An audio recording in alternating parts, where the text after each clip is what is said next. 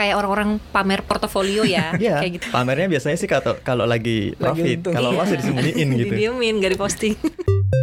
Harus diperhatiin yang sedang di taruhlah di endorse atau di, di share oleh Mhm. para artis itu kira-kira barang yang sehat atau enggak.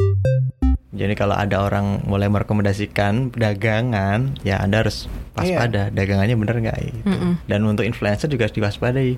Anda ketika mengendorse ngasih Iya. informasi bener pun Mm-mm. Itu bisa dicurigai. Uh-uh. Betul. Itu tadi insider trading. Koneksi.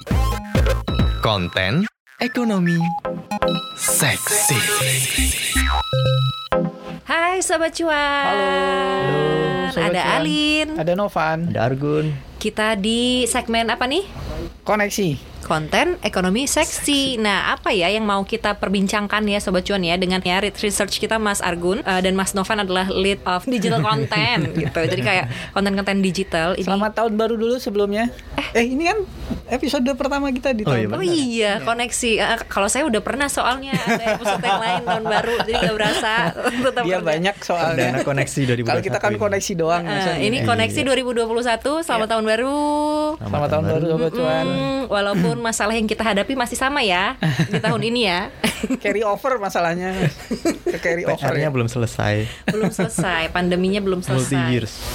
Mm-mm. Nah ini juga ada masalah baru nih Mas Novan dan Mas Argun Mungkin ini buat sebagian besar orang yang investasi saham Ini bisa jadi masalah gitu ya Atau mungkin ada yang tercerahkan Dengan kelakuan-kelakuan Fenomena-fenomena. Eh, atau fenomen- fenomena-fenomena influencer saham nih Mas Argun dan Mas Novan Mm-mm. jadi kalau kita lihat ya sobat cuan ya beberapa uh, saat ini uh, beberapa waktu belakangan gitu ya mulai dari ustadz ya kan kemudian juga ada anak presiden Hmm. yang memberikan rekomendasi saham gitu ya terus udah gitu belakangan ya kemarin sih tepatnya heboh tuh artis gitu kan Ya. Raffi Ahmad dan Ari Lasso me- Bisa mencetus kompak ya mereka ya? Ah, ah, kenapa ya endorse apa gimana ya gitu, Cik, ya? gitu. Bisa Mencetuskan kompak loh mereka.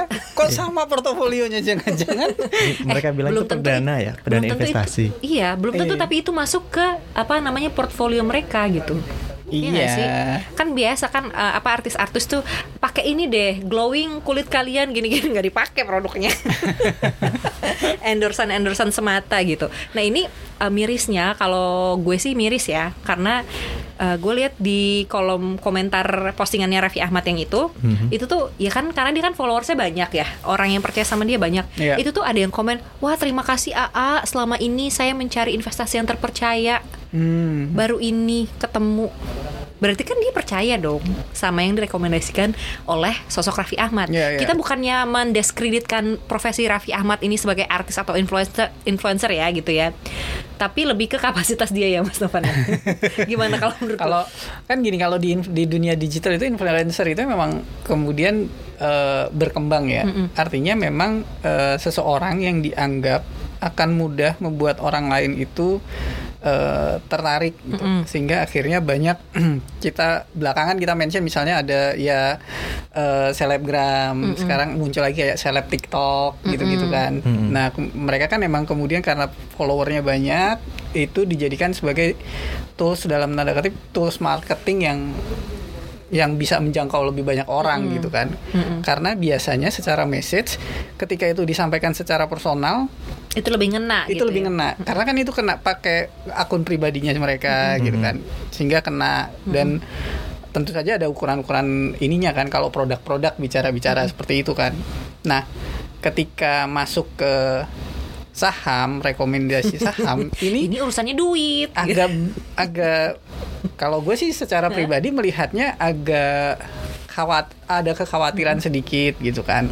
Eh, kekhawatiran misalnya misleading atau apa segala macam gitu. Ya. kita nggak tahu mereka eh, based on apa. Mungkin kan kalau gue lihat di instagramnya baik Ari Lasso maupun eh, Raffi Ahmad ini kan mereka mention bahwa eh, duit gue yang gue tabungin di situ baru berapa minggu Udah udah, naik sekian persen berapa? gitu kan. Udah Ya. puluhan lah. Kalau nggak salah mentionnya puluhan persen gitu naiknya gitu kan. Jadi ayolah ikut gitu kan seolah-olah. Kalau misalnya mau ikut ya monggo gitu. Memang sih mereka tidak menyarankan untuk ikut tapi itu menggiurkan banget buat sebagian besar orang yang hanya punya investasi terbatas gitu ya. Misalnya sejuta dua juta investor retail gitu yang masuk sejuta dua juta kemudian dapat 30% itu dalam hitungan minggu ya mungkin buat mereka bahwa luar biasa gitu ikutin ya. aja nih, Hmm, gitu kan. Investasi mana lagi yang kayak gitu gitu Iya. kan. Nah, cuma kita kan balik lagi nih apakah itu praktek itu sebenarnya sah berbahaya atau apa? Itu mungkin Mas Argun juga lebih tahu dari sisi aturan gitu. Gimana sih Mas Argun? Kan kalau ini ya katanya kalau istilahnya itu pom-pom gitu ya Sobat Cuan. Mungkin Sobat Cuan ada yang Hmm. belum familiar gitu ya. Kalau misalnya eh, ada orang gitu siapa pun itu gitu yang mempromosikan gitu Merayu, membujuk, mengiming-imingi kita untuk membeli saham tertentu Itu istilahnya kayak pom-pom saham gitu. Kalau di dunia persahaman lah itu doang sih yang gue tahu. Selanjutnya silakan Mas Argun gimana? Mau kita langsung bahas si emiten yang direkomendasikan Raffi Ahmad dan Ari Lasso atau kita mau bahas fenomena besarnya dulu? Ya secara umum harusnya fenomena besarnya aja dulu gitu. Eh, pertama kita harus melihat dulu apa yang ditawarkan oleh Raffi Ahmad dan Ari Lasso di Instagramnya itu bentuknya apa? Apakah dia sharing experience atau dia merekomendasikan saham gitu? Itu dua hal yang secara hukum berbeda gitu oh, ya. oke. Ya. Karena kalau sharing experience itu aman. Misalnya Sah-sah saja ya, sah-sah ya. saja. Kayak eh, kayak orang-orang pamer portfo- portofolio ya, Iya. kayak gitu ya. Wah keren kalau ada yang berani gitu. Pamernya biasanya sih kalau kalau lagi profit, kalau Iya. loss ya disembunyiin gitu. Didiemin, gak diposting. ya di posting. Nah ini Ari Lasso dan eh, Raffi Ahmad konteksnya sepertinya sedang memamerkan. Saya pegang saham ini dan lagi naik 20% loh. gitu. Mm-mm.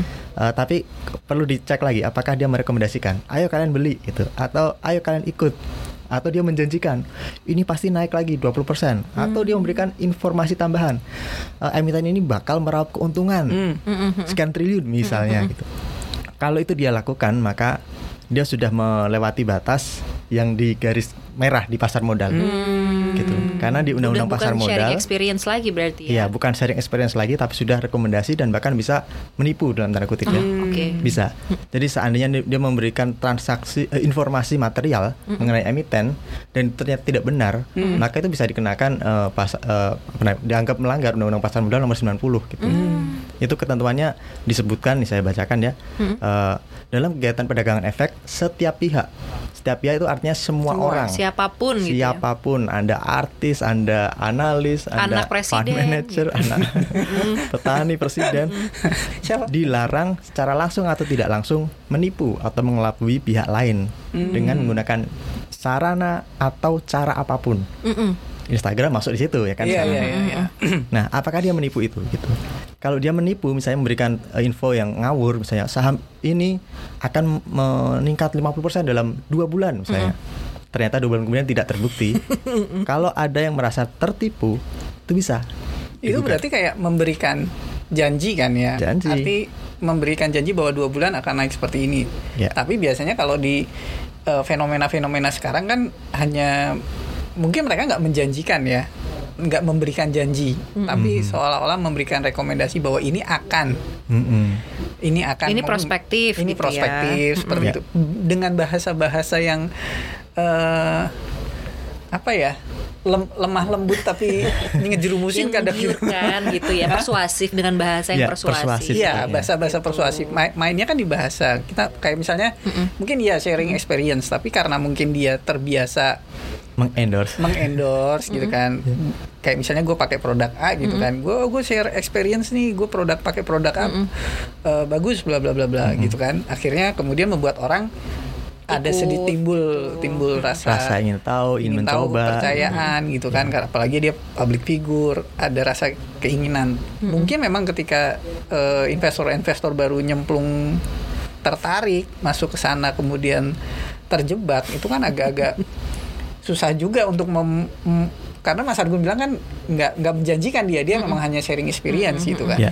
berarti di sini memang kita sebagai investor investor retail gitu khusus- Harus khususnya lebih gitu kan, pintar harus- gitu harus ya. lebih hati-hati juga mendengarkan sharing experience ini Hmm, gitu. Tapi kan masalahnya gini, nggak semua investor gitu ya punya cukup waktu dan punya keinginan yang cukup besar untuk belajar, Hmm. mendengarkan dari source yang benar gitu kan. Banyak analis kan memang yang suka ini kan ngasih kalau analis itu kan rekomendasi atau apa sih kayak ngasih tahu ini begini begini gitu kan nah kita kalau ya. analis gimana Mas Uh-uh. Argun? Kan kita bisa misalnya ada sekuritas tuh kadang mereka ngasih info eh, pasar gitu ya tiap ini gitu kan. Kemudian ada rekomendasi, rekom- ah, termasuk rekomendasi gitu. Nah kalau itu gimana mereka hukumnya? memang sah, memang mereka ininya mereka ya. Ya, itu memang bagian dari eh, pekerjaannya gitu pekerjaan mereka dan itu pekerjaan yang dijamin di Undang-Undang Pasar Modal juga.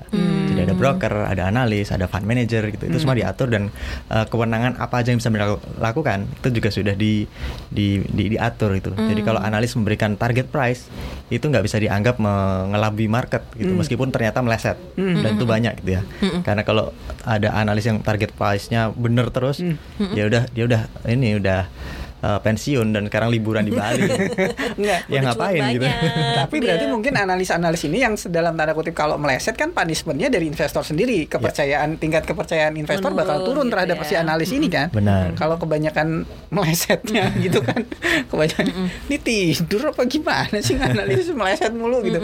Artinya tingkat ada ada rasa kepercayaan investor juga. Jadi semakin analisanya lebih bertanggung jawab menurut gua Ya, berdasarkan entah fundamental, entah teknikal gitu kan. Ya. Tapi kan ada punishment dari investor misalnya kemudian kalau misalnya mereka analis A sekuritas gitu misal wah dia terkenal nggak bagus nih analisanya pindahlah atau ke mana gitu. Cari referensi lain Iya, gitu gitu. jadinya ya kan? Dan jadi analis itu kan nggak gampang juga sebenarnya. Kalau mau kerja di sekuritas ingin jadi analis dia setidaknya memiliki beberapa sertifikasi apa gitu. aja mas? Ya misalnya SV, eh, CFA Certified Financial Analyst. Hmm, nah itu kan ada ujiannya juga di OJK diwajibkan ke tentang itu. Bursa Efek juga memberikan eh, kewajiban seperti itu. Jadi emang ada ada ketentuan yang harus mereka penuhi dari sisi kualifikasi. Eh, Mas, emang berarti kalau misalnya kita mau jadi analis gitu ya, ini harus inline sama pendidikan kita gitu ya, harus sarjana ekonomi gitu ya, atau cukup dengan sertifikasi dan pelatihan-pelatihan gitu sih? eh memang harus ada sertifikasi itu yang wajib. Tetapi background pendidikan tuh kecenderungannya adalah preferensi. Jadi biasanya yang dipilih adalah ya terkait dengan sarjana, sarjana ekonomi, ya atau manajemen bisnis, hal-hal yang terkait dengan itu. Karena asumsinya ketika nanti jadi analis, eh, ketika di eh, dia sudah sudah menjalankan tugasnya, sertifikasi itu bisa diambil secara lebih cepat karena background eh, pendidikannya membantu. Tetapi tidak ada ketentuan harus lulusan sarjana ekonomi enggak. Ada beberapa analis yang eh, saya kenal memang bukan dari background ekonomi dan itu bisa-bisa aja. Yang penting dia eh, lolos sertifikasi dan sesuai dengan ketentuan OJK itu tadi. Ada beberapa tahap sertifikasi yang harus dijalankan. Gitu. Nah, kalau kemudian kita mendengar ada orang yang ber, ber- ber- berperilaku seperti analis di luar sana, ya tadi Ustadz misalnya, kemarin kan yang ramai kan Yusuf Mansur, dia nyata-nyata menyebutkan beberapa saham misalnya, Iya. Dan memang melesat sih jadinya gitu. memang melesat. Kemudian juga eh, ya tuh Kaisang misalnya, dia juga menyebutkan beberapa saham dan dia juga kecenderungannya mempersuasi untuk ayo saatnya masuk ibaratnya gitu. Eh, nah kayak gini ini sebenarnya eh, nanti bisa di apa ya dikonfirmasi ke Bursa Efek Indonesia. Apakah mereka itu eh, melanggar sesuatu gitu. Karena kalau kita lihat memang sah-sah aja kalau pamer portofolio. Tetapi kalau sudah merekomendasikan dan itu juga bukan ranah dia, itu sebenarnya patut dipertanyakan gitu. Boleh saja misalnya ini pendapat pribadi gitu. Saya berpendapat bahwa saham ini prospektif, makanya saya beli saham ini dan dia share di Twitter, di Instagram. Ya itu memang kebebasan berpendapat, kebebasan ekspresi. Tetapi harus dipahami mestinya adalah para eh, netizen atau mereka yang membaca pesan-pesan itu di, di- di Instagram, di Twitter itu mengetahui bahwa mereka tidak memiliki kapasitas resmi untuk merekomendasikan. Kalau mempersuasi mungkin oke lah silahkan gitu. Jadi kayak kayak ngetis ini kayaknya bagus loh gitu. Ya. Itu nggak masalah. Tapi sebenarnya kalau kita lihat di Raffi Ahmad dan Ari Lasso itu malah lebih rapi mereka dibandingkan dengan Yusuf Mansur dan Kaisang kalau kita bandingkan. Kayak saya melihatnya mereka itu hanya menyebutkan bahwa saya memegang saham MCAS. Tetapi kalau misalnya uh, menyuruh beli, mereka enggak. Mereka cuma nyuruh mempelajari. Misalnya uh, Ari Lasso bilang uh, ada yang lagi hot, kode sahamnya M MCAS. Kalian pelajari deh gitu jadi nggak nyebutin "Eh, belilah gitu nggak jadi mereka sebenarnya aman kalau saya melihat ya eh, kalau melihat dari kerangka undang-undang pasar modal yang lebih nggak aman itu sebenarnya Yusuf Mansur dan eh, Kaisang Kaisang. karena yaitu menyebutkan sahamnya kemudian juga target harga juga kan ya kecenderungan itu target harga atau mungkin uh, ada potensi naik dan sebagainya. Kalau yang Raffi Ahmad dan uh, Ali Lasso enggak gitu. Raffi Ahmad juga justru ada semacam disclaimer keputusan ada di tangan Iya, kalian ya iya. gitu. Hmm. Jadi ya memang uh, saya melihat apa yang dilakukan artis ini adalah mereka uh, pamer portofolio Uh, apakah di balik itu ada perjanjian endorsement kita tidak tahu Iya. ya kan Karena memang tipikalnya kan begitu juga. Gue pakai produk ini, Iya. tapi ya terserah lu, lu mau pakai apa enggak gitu kan. tapi kan gue udah pamer dulu pakai produk ini.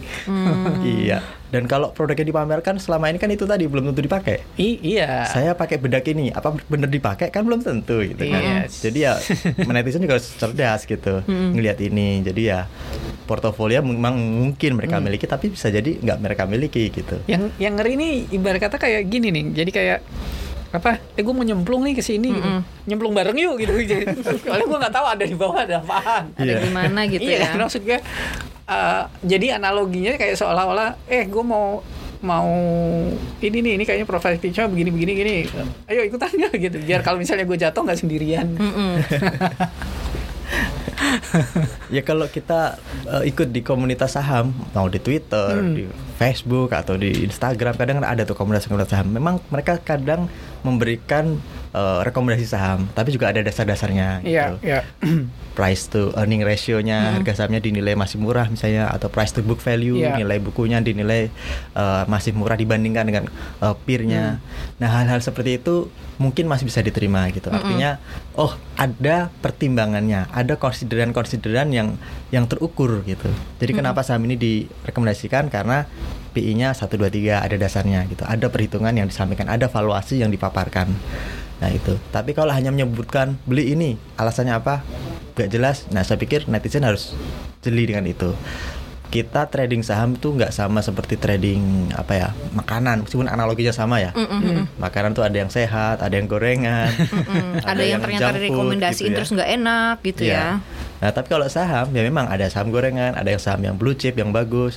Tetapi bedanya adalah kalau gorengan itu ya Anda makan efeknya ke Anda sendiri. Kemudian kalau Anda rekomendasikan orang, ya bisa jadi mereka makan hal yang sama tapi belum tentu belum tentu ya. sakit ibaratnya gitu. Tapi kalau saham Anda ngajak orang beli saham tertentu ketika jatuh ya jatuhnya tadi sakitnya sama-sama gitu. Apalagi kalau sharing kita- burden Sharing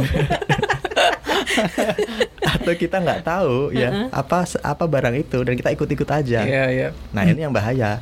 Ya ini bukan gorengan, bukan apa bukan makanan gitu. Jadi ya harus diperhatiin yang sedang ditaruhlah di endorse atau di eh, eh, di share oleh Mhm. para para artis itu kira-kira barang yang sehat atau enggak, saham blue chip atau enggak. Nah itu yang harus dipahami oleh para netizen. Tetapi saya di sisi lain nggak nggak nggak sepenuhnya salah juga gitu ketika Raffi Ahmad dan ya Ari Lasso dan ataupun ada artis lain juga nge-share pengalaman mereka itu jadi marketing yang bagus buat bursa saham. Hmm. Jadi orang yang tadinya nggak ngerti ada saham, mereka jadi lebih ngerti gitu. Tadinya mungkin tidak berminat, mungkin jadi minat. gitu. Ini posisi positifnya gitu. Jadi ya saya pikir eh, ya harus bijak juga. Batasan-batasannya itu aja dulu. Ada nggak yang dilanggar dari undang-undang pasar modal mereka? Apakah mereka mengelabui? Apakah mereka berniat jahat gitu memanipulasi? Nah, kalau enggak, saya pikir itu positif gitu. Hmm. Jadi artis itu mungkin bisa mengajak orang lebih banyak untuk berinvestasi di Lebih saham melek gitu ya. umum, ya. Iya, kalau Melek investasi kalau mau ngajak melek investasi sih bagus juga sih cuma mungkin kalau mention produk sih udah agak menurut gue sih Agak udah agak, ya. udah agak- udah agak beda gitu nah gue khawatirnya ini kemudian menjadi eh, kayak kita tahu kan bahwa ke- eh, investor retail itu kan udah banyak deh kenaikannya luar biasa selama pandemi. Nah, kemudian investor retail ini pasti kan gali-gali informasi. Mereka baru masuk gitu kan. Nilai apa namanya? modal investasi mereka nggak seberapa gitu. Kemudian mereka cari-cari informasi dan mungkin juga ini juga kita balik lagi kita nggak tahu apakah ini benar-benar ada eh, deal-deal tertentu gitu tapi ketika misalnya ada endorse dari artis kan juga orang menjadi ma- kalau Mas Argun bilang tadi aware ada saham ya kemudian yang investor yang baru kita oh mereka masuk ke sini nih gitu kan. Ya. dicek ngeceknya mungkin juga nggak nggak sedalam sedalam orang-orang pasar yang memahami itu Iya. gitu kan. Nah ada juga sampai juga gue ngelihat ada satu trader gitu ya yang sampai gue lihat tuh mereka dia kayaknya eh nitip endorse gitu jadi jadi ada satu akun Instagram yang kemudian eh, memamerkan si trader ini dengan portofolionya bahwa sehari profit sekian miliar gitu kan. Sebenarnya akun ini ak- ak- bukan akun eh, akun yang mengendo- mengendorse ini hanya punya ap- apa namanya follower yang Kecil. banyak. Oh, gitu. banyak. Banyak dan eh, bukan akun trading, bukan akun ekonomi, bukan akun apa gitu. Akun yang sama sekali nggak ada ini terus kemudian dia kayak kayak misalnya Mas Argun jago trading gitu kan terus akun ini mau memamerkan bahwa wah jadi pengen jadi kayak trader nih si kokoh ini gitu kan dengan profit sekian gitu. Ya. Nah, yang tipikal-tipikal kayak gini kan juga kalau menurut gua fenomena sosial media ya gua merasa bahwa ini sebenarnya orang ini kayak ngiklan di akun ini gitu loh. Jadi pengen di blow up bahwa si kokoh ini jago trading sehari segini, coba follow dia gitu. agar banyak pengikut Iya, supaya banyak pengikut, cari banyak eh, base, fanbase atau apa gitu dengan tujuan Iya. entah apa gitu, investasi maksudnya apa. Fenomena-fenomena ini juga yang sebenarnya perlu di diawasi lah, maksud diawasi dan diperhatikan juga sama teman-teman investor-investor yang baru masuk gitu. Mm-mm. Karena banyak jebakannya sih sebenarnya. Kayak lu tahu sendiri lah. Tahun lalu kita di disibukkan dengan satu kasus yang apa namanya financial planner atau apa kemudian Mm-mm. ujung-ujungnya yang J itu ya iya depannya. kemudian ujung-ujungnya nyangkut dan sebagainya Ah. gitu. Jadi kita di sini cuma berusaha untuk supaya sobat cuan khususnya gitu kan lebih melek dan lebih hati-hati juga untuk yang baru-baru join gitu. Nah sekarang kalau- kalau kita misalnya nih Mas Argun bicara mengenai tadi eh, ada sebenarnya orang-orang yang memang berhak merekomendasikan. Nah sebenarnya kalau untuk sobat cuan sendiri Mm-mm. eh, yang cocok tuh sebenarnya nganalisanya kayak gimana sih supaya mereka nggak terjebak. Misalnya ada yang nyebut pegas, ada yang nyebut MKS gitu. Hmm. Apa yang harus gue lihat untuk memverifikasi bahwa orang ini benar? Analisis apa yang biasa digunakan? Oke. Eh, ada dua pisau analisis secara umum ya yang kita tahu yaitu analisis fundamental sama teknikal. Nah kalau teknikal itu memang sobat cuan agak sulit pasti mempelajari dan memahami Iya. karena itu terkait dengan grafik harga saham naik turunnya kemudian harus, ada harus candle macam-macam candle, ya grafis kan. gitu grafiknya. ada pola-pola. Nah. Nah, technical itu biasanya dipakai untuk eh, acuan momentum, momentum kapan masuk masuk atau beli Hmm. atau kapan jual gitu. Tapi untuk menentukan alasan jual dan beli itu fundamental. Nah, Hmm. ini saya pikir yang perlu dipahami netizen atau sobat cuan yang mau investasi di bursa saham, paling gampang itu dulu fundamental. Fundamental dari sisi apa? Gampang aja pendapatan dan laba bersihnya Hmm. positif nggak itu kalau nggak positif maka ya ini jadi sinyal bahwa perusahaan ini lagi bermasalah kalau nggak positif ya Ya. dan apakah anda mau investasi di perusahaan yang bermasalah kan nggak Hmm. Tapi kalau pendapatan dan laba bersihnya meningkat berarti ini indikasi awal yang sederhana bahwa perusahaan ini tumbuh Hmm. jadi ketika perusahaan tumbuh maka investor akan cenderung ngantri untuk beli saham ini gitu. Karena ya ekspektasi nanti mendapatkan dividen, Ya. bagian dividen ketika laba bersihnya dibagikan gitu ya. Atau ekspektasi mendapatkan capital gain ketika nanti harga sahamnya meningkat karena yang ngantri banyak, ngantri Mm. beli gitu. Nah, saya pikir itu harus dilihat paling gampang memang eh, laporan keuangan. Maka kalau kayak kata investor eh, value investor kita Warren Buff Warren Buffett-nya Indonesia Hong, Loke Hong, itu eh. kan emang jangan bosan untuk baca laporan keuangan itu. Memang agak tebal gitu. Tetapi di situ inti dari eh, apa yang perlu Anda ketahui untuk beli eh, saham perusahaan di Mm-mm, situ semua. kinerjanya gitu. gimana, Utangnya, gitu, ya, kinerjanya Hmm. gitu. Dan bahkan di eh, laporan keuangan itu ada segmen khusus mengenai rencana transaksi ke depan gitu. Hmm. Ini Hasil nggak banyak diketahui ya. investor ya. Hmm. Jadi ketika mereka berencana mau enam bulan ke depan mau membeli sesuatu, membeli perusahaan tertentu misalnya, itu kadang udah disampaikan di situ di laporan Hmm. keuangan. Dan kalau orang nggak aware ya nggak tahu gitu. Tapi yang mereka yang tahu, wah bisa ambil posisi duluan dan ini jelas aman, bukan insider trading gitu. Iya. Kalau Sudah insider trading, dipublikasikan. Insider trading itu yang bahaya yang yang yang melanggar peraturan. Ada orang dalam yang tahu perusahaannya mau ngapain, dibocorin keluar gitu. Nah, khawatirnya praktik-praktik endorsing saham itu diwarnai eh, modus insider trading itu yang berbahaya gitu. Hmm. Jadi ada kerjasama tertentu dengan orang dalam di perusahaan tertentu Mm-mm. untuk menaikkan harga sahamnya Mm-mm. gitu. Jadi sebelum eh, sebelum harganya naik mereka udah ambil posisi duluan. Dan kemudian lewat endorser itu bilang ini akan naik dan faktanya memang perusahaan tersebut akan melakukan aksi korporasi gitu. Tapi sudah dulu ambil posisi. Sudah ambil posisi dulu. Nah, kemudian setelah di pom-pom tadi istilahnya orang aware kemudian tertarik masuk beneran dan kemudian emiten tersebut melaporkan rencana tersebut secara resmi harga sahamnya naik lebih tinggi ya tadi tuh orang yang di awal-awal termasuk endorsernya udah ambil posisi kan Mm-mm. nah dia dapat capital gain yang sangat-sangat besar dan ini yang melanggar peraturan eh, bursa di semua negara gitu dan ini ber- berpeluang terjadi kalau memang eh, konteksnya adalah dia merekomendasikan gitu Hmm. Tapi kalau hanya tadi sharing experience, saya pikir masih aman. Kalau agak-agak persuasif, misalnya ya coba dulu deh dicek dulu dan sebagainya, itu masih oke. Tapi kalau misalnya sampai pada bilang ini dalam beberapa bulan akan membeli perusahaan A, gitu. Mm-mm. udah ini Itu untuk informasi. ini informasi yang sifatnya material gitu.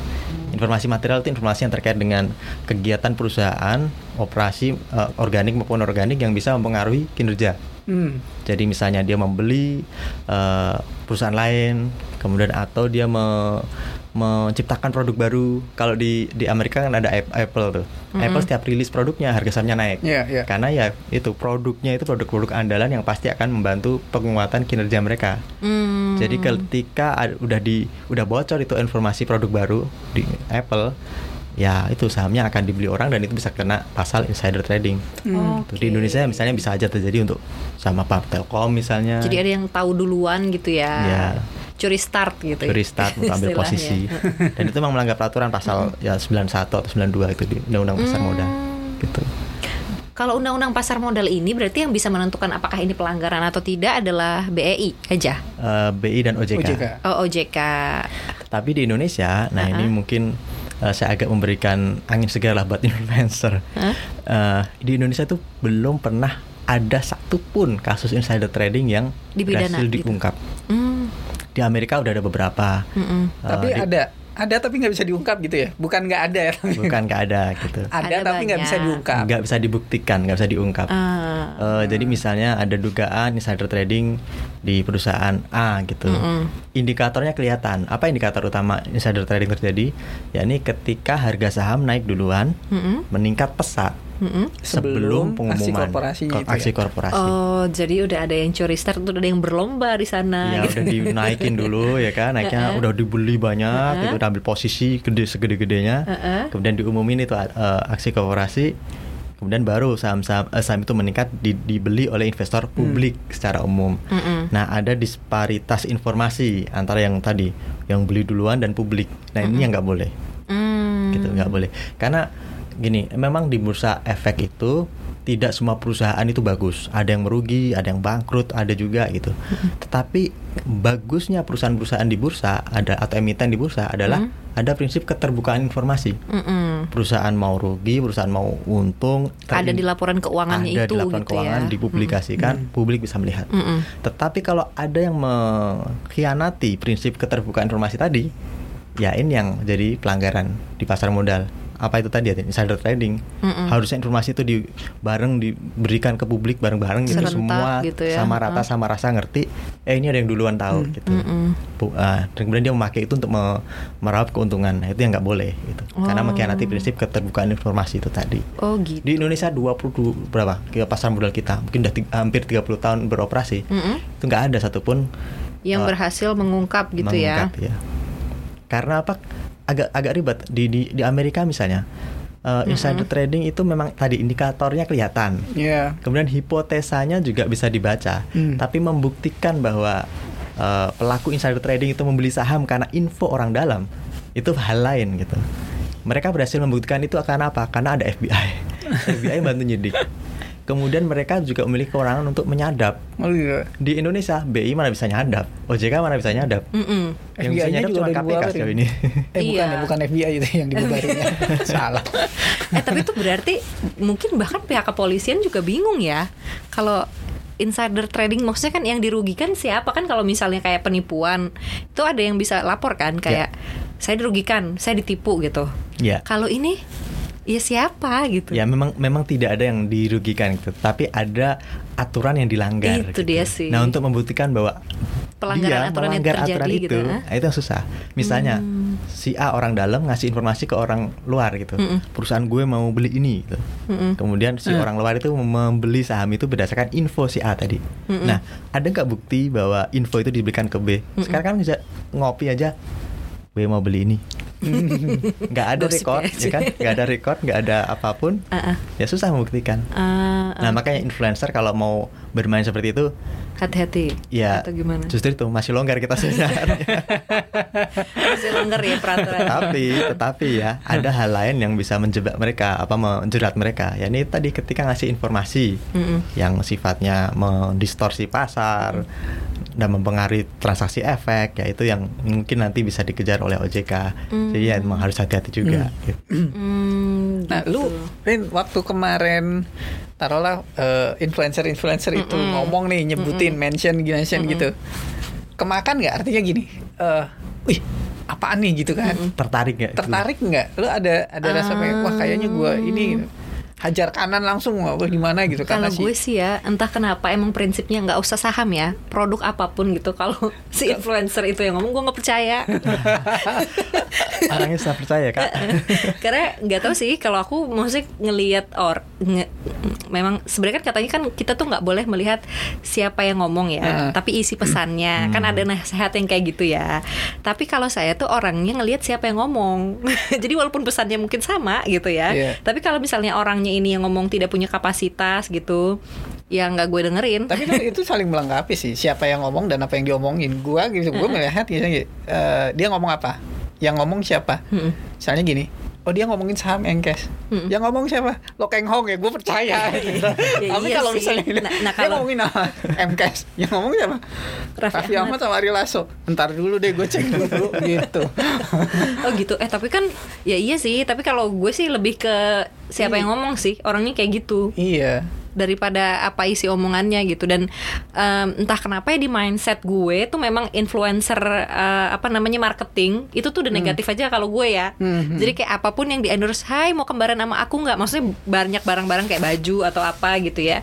Eh, ya saya nggak percaya gitu karena mereka tuh banyak yang endorse endorse aja nggak tahu produk knowledge-nya gitu. Responsibility-nya juga nggak Maksudnya Yes. secara secara ini terhadap konsumen gitu Mm-mm. Makanya sebenarnya di dunia digital marketing itu juga ketika lu cari eh, influencer Mm-mm. itu ada rambu-rambunya sebenarnya. Lu harus bener tahu ini orang sesuai nggak sesuai nggak gitu DNA-nya sama sama sama lu nggak gitu, sama produk lu nggak gitu. Kalau lah taruh lalu lagi mau produk A yang DNA-nya begini begini begini tapi asal dikasih ke influencer yang followernya gede ya sama aja berlalu akan gitu aja. Tapi kalau misalnya Iya. dia memang influencernya memang DNA-nya di situ, Mm-mm.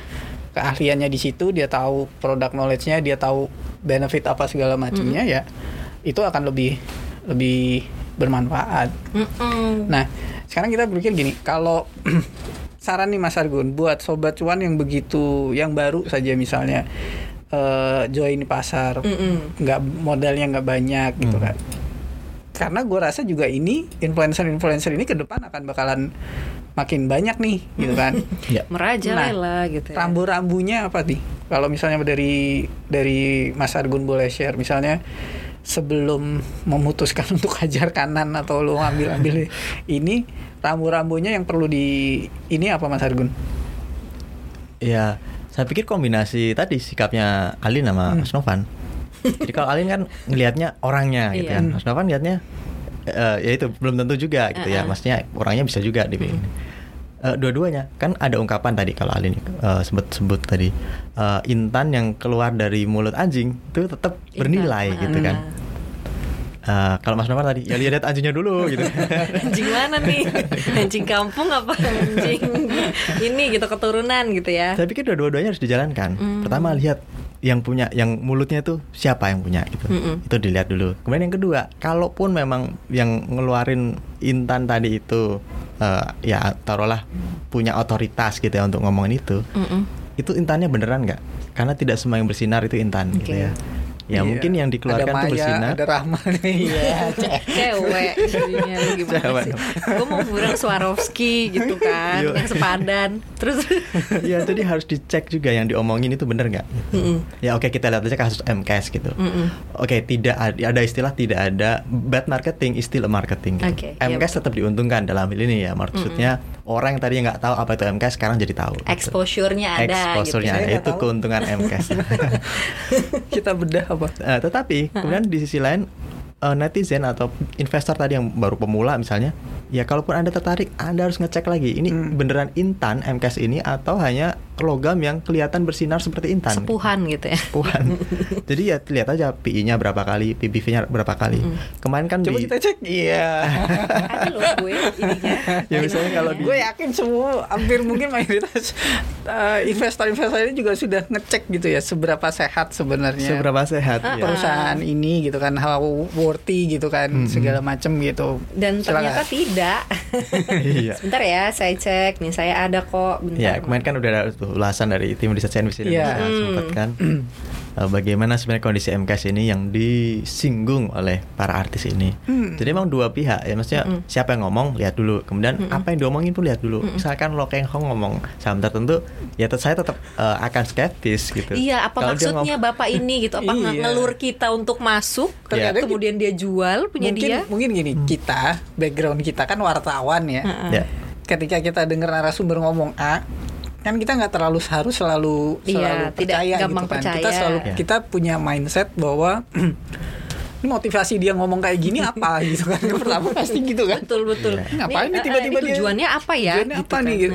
Kita sudah punya ini kritis bahkan ketika misalnya selevel kayak ngomong aja masuk ke mana gitu aja juga kita mencari tahu apa kenapa dia masuk ke perusahaan A Valuasinya seperti apa sih? Iya. Ya. Mm-mm. Iya. Gitu. Gitu. harus di cross check lagi gitu sobat cuan. Jadi jangan langsung percaya percaya aja gitu, ya kan? Iya. Nah kalau ini nih dari dari tim riset CNBC juga nih eh, Mas Argun nih dari anak buahnya Mas Argun nih tentang eh, ini ya emiten M MCAS itu ya MCAS yang digembar-gemborkan Raffi Ahmad dan apa Ari Lasso itu. Jadi eh, dia itu udah melantai di bursa tuh dari 24 Oktober 2017 Eh, menggunakan Kresna Sekuritas sebagai underwriternya. Dan si Kresna Sekuritas ini lagi ada kasus ya Mas ya Eh, gagal sempat, eh, bayar disidik ya. Mm-mm, disuspensi sama bursa gitu. Nah awalnya itu harganya 1.385 rupiah per unit. Terus udah gitu eh, melesat ugal-ugalan katanya 2.750 per unit dalam waktu tiga hari perdagangan. Hmm. Si MCAS ini mungkin karena di pom pom pom pom itu gitu kali ya. Nah kalau berdasarkan ini ya apa namanya eh, kinerja perusahaannya Mhm. margin keuntungan MCAS itu tipis banget. Jadi kuartal ketiga 2020 itu eh, omset yang berhasil dibukukan itu 6, eh 8,68 triliun. Tapi ma- mencetak laba bersihnya itu cuma 17,87 miliar aja. Jadi margin keuntungannya itu cuma 0,18 persen gitu deh. Terus em, jadi si MCAS ini tidak terlalu dilirik lah sama kapitalisasinya investor-investor. juga kecil kan ya Kapitalisasi nggak terlalu kecil. besar sekitar 3 sampai 4 triliunan kalau nggak Iya. salah Asetnya tuh 1,85 triliun. Hmm. Tapi liabilitiesnya lebih banyak. ini debt debt equity rasionya ya debt-nya. gitu katanya. Ya begitulah sahabat cuan. Jadi ya ini bisa dibilang saham gorengan tuh yang kayak kayak gini juga kan ya Mas ya? Lagi digoreng gitu. Eh, Lagi belum dipom-pom tentu sama lagi digoreng apa bedanya nih? Ya kalau di pom pom tuh ya yang diangkat Dipromosi, ayo pro- kita ah. beli, ayo kita beli itu pom Iya, secara ini ya, belum tapi belum kelihatan. Oh, Kalau gitu. kalau gorengan tuh kayaknya udah udah naik Udah nih. jadi nih, udah matang mulai gitu ya. bergerak, udah mulai bergerak. Udah tapi pada ternyata, masuk nih orang-orang gitu ya. Ternyata Bergerak. lagi manasin minyak kalau ya. Jadi prosesnya adalah dipom-pom dulu. Ibarat masak ya, pom-pom ini adalah menyiapkan dipotong-potong Iya, dulu. Kompornya udah nyala, Iya, minyaknya kompornya udah udah nyala diangetin. diangetin Tinggal minyak. Dicemplungin. Kalau udah digoreng tuh pas udah naik gitu Nah. ya. Terus kalau udah matang ditirisin itu pas udah drop lagi. Tuh harga sahamnya gitu sobat cuan. Jadi memang ini sih kalau uh, Alin lihat gitu ya. Memang menggembirakan bahwa sekarang bursa saham kita atau pasar saham kita tuh didominasi oleh uh, ini ya investor retail, investor baru gitu. Cuma di satu sisi ini juga agak-agak berbahaya juga Ya. sih sobat cuan gitu ya. Ya. Jadi memang dalam jangka pendek memang bikin bursa saham lebih rame. Mm-mm. Jadi ada artis yang ya share-share pengalaman dia, orang mungkin akan terinspirasi untuk masuk juga.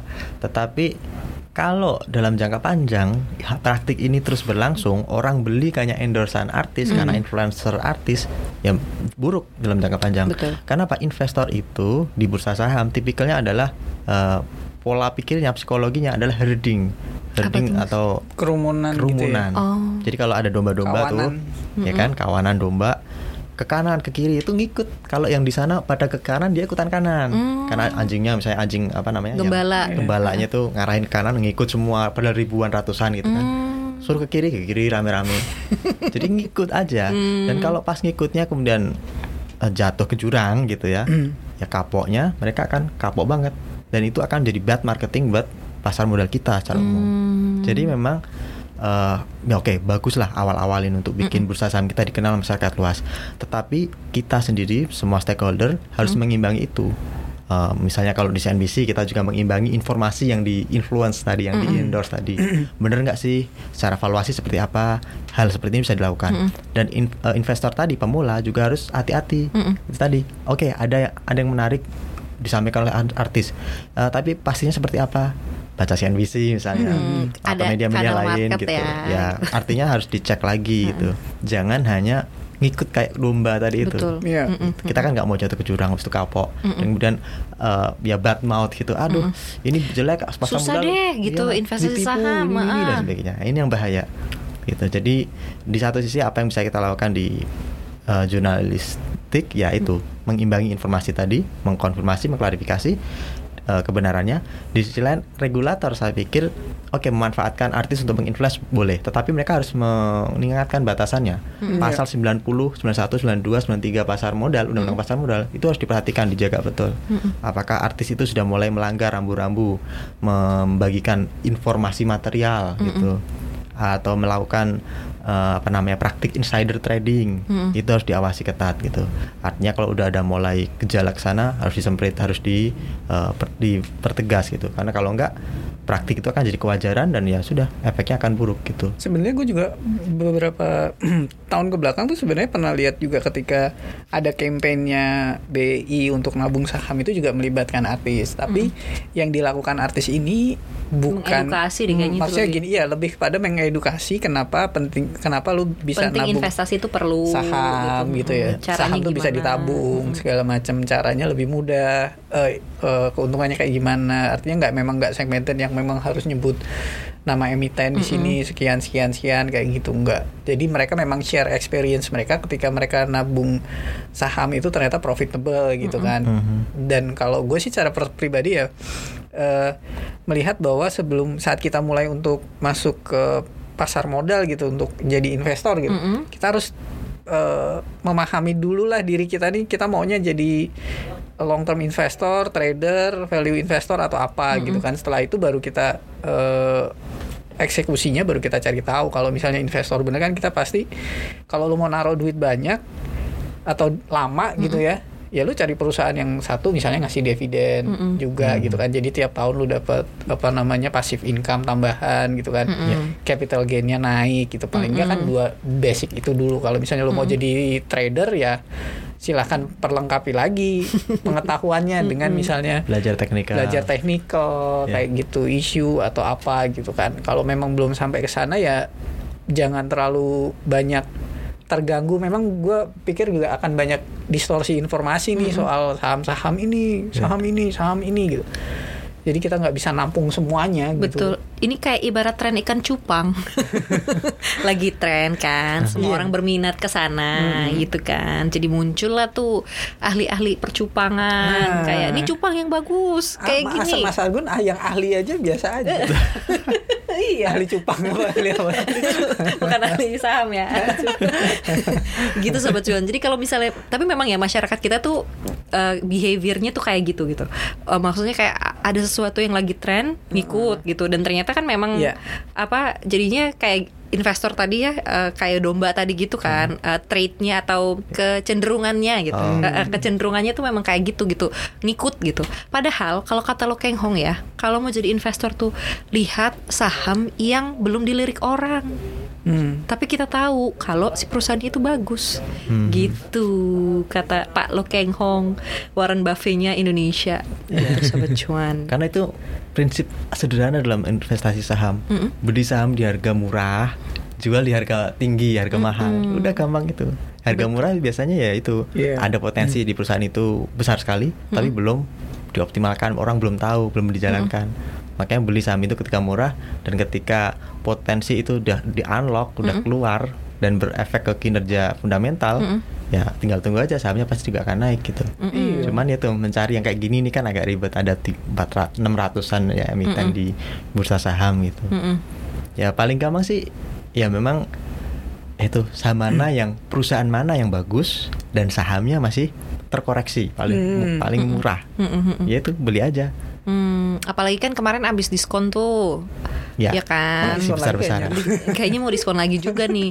Oh iya. Heeh. Karena, tadi hari ini, karena ini ya, PSBB perketat ini kan Ah, ah, IHSG-nya drop ya, Mas Argun ya. Kalau misalnya kita berbicara yang current nih, Iya, iya. tadi gitu, temen-temen gue juga tadi banyak yang ini langsung top up, mau serok.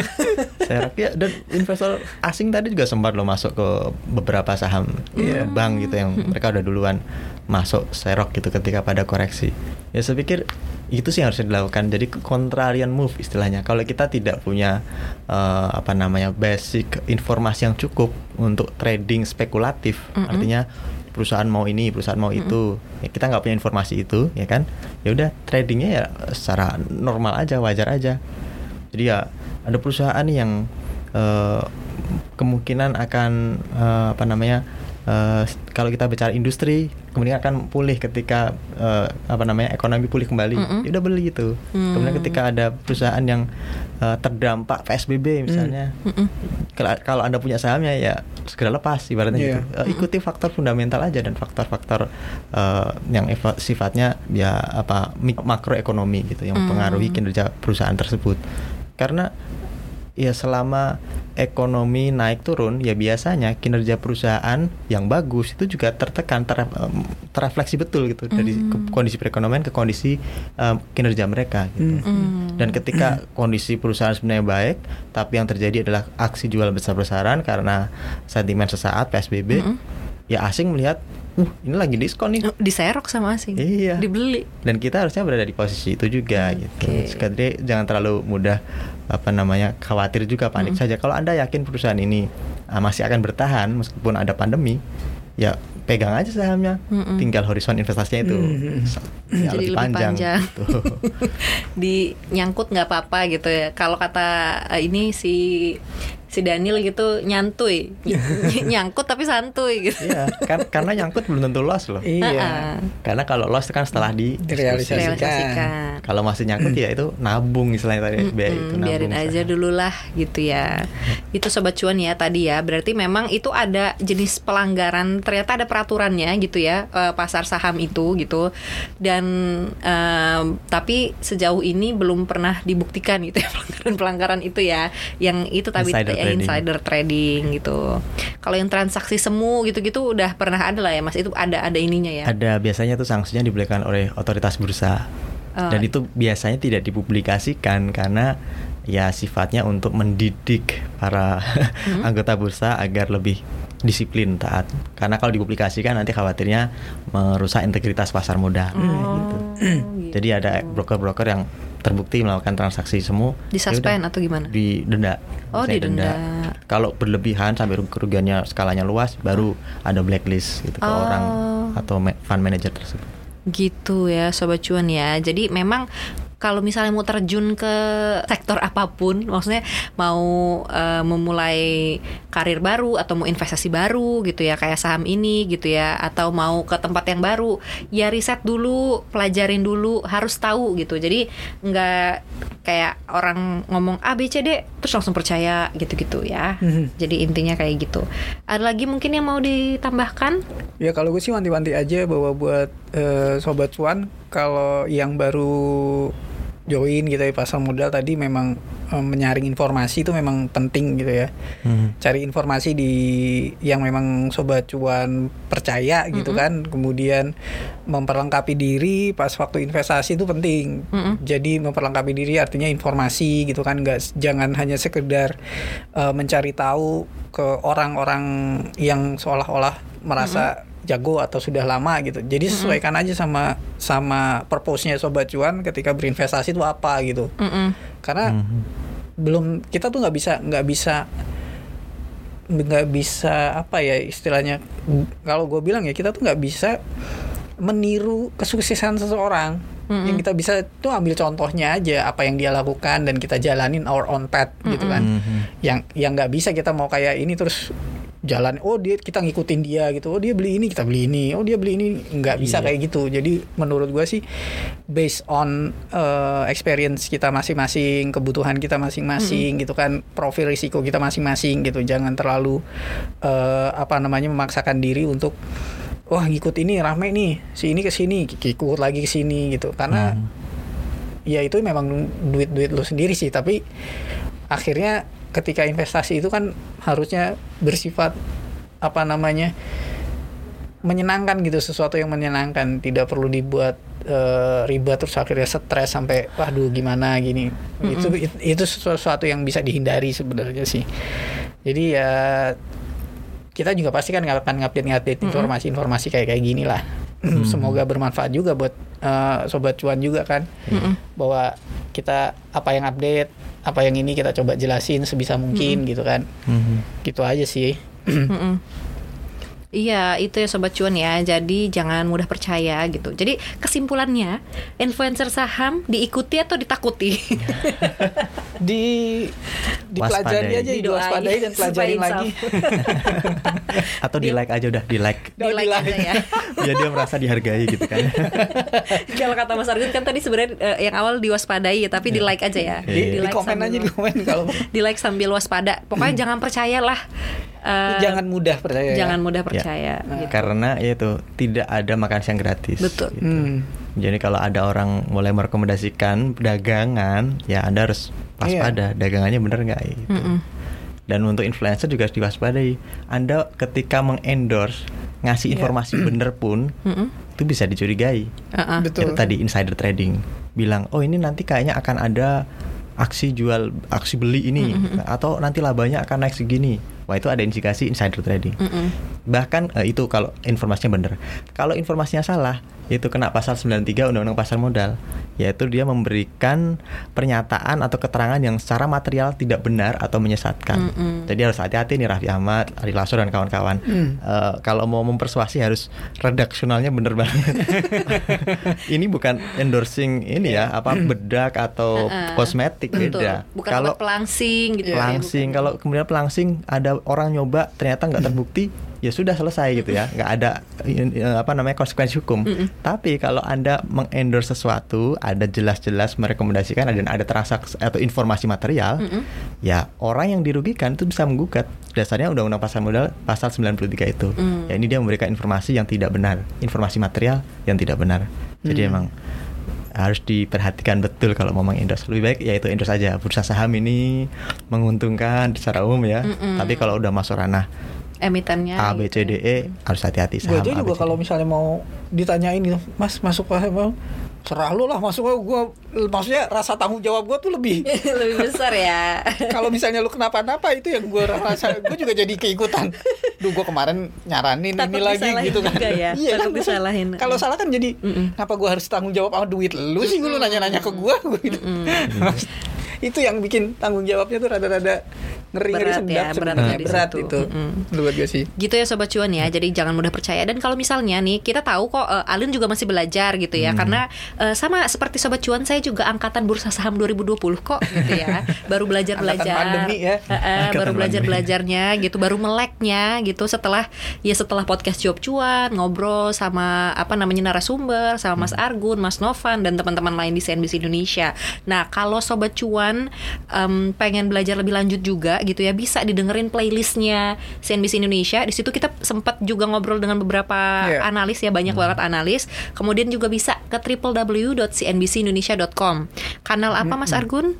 Eh, market terutama di cnbcindonesia.com dan investment investasi. Nah, itu di situ banyak banget tulisan Mas Argun dan timnya juga ya di situ gitu. Analisnya eh, analisis-analisis eh, tentang saham gitu. Di situ ada sobat cuan atau juga bisa ke Instagram ya. Ya, Mas Novan di mana? cuap underscore cuan. Kalau sobat cuan punya tema apa pun itu juga segala macam mau tanya apa, kita sebisa mungkin juga pasti kita jawab sih. Mm-mm. Kita akan Sama jawab. Instagramnya CNBC. Dan CNBC Indonesia pastinya, YouTube-nya juga CNBC Indonesia pasti. Mm-mm, gitu. Jadi kalau memang beneran sobat cuan ternyata into investasi gitu ya, pengen uangnya bertumbuh gitu, ayo belajar sama-sama kita belajar dan kita akan provide informasi-informasi yang insya Allah gitu ya, apa namanya eh, tidak menyesatkan dan balance ya, Mas Iya. ya. Karena kan kita media, kita punya tanggung jawab untuk itu gitu sobat cuan. Jadi kita tidak mempom-pom, tapi kita memberikan informasi atau fakta yang memang terjadi gitulah ya. Semangatnya itu. Kalau gitu em, udah dulu kali ya. Ya, Terima kasih Mas Argun, terima kasih Mas Novan, thank you. terima kasih Sobat Cuan. Kita pamit dulu dari koneksi ya. Dah. Bye bye.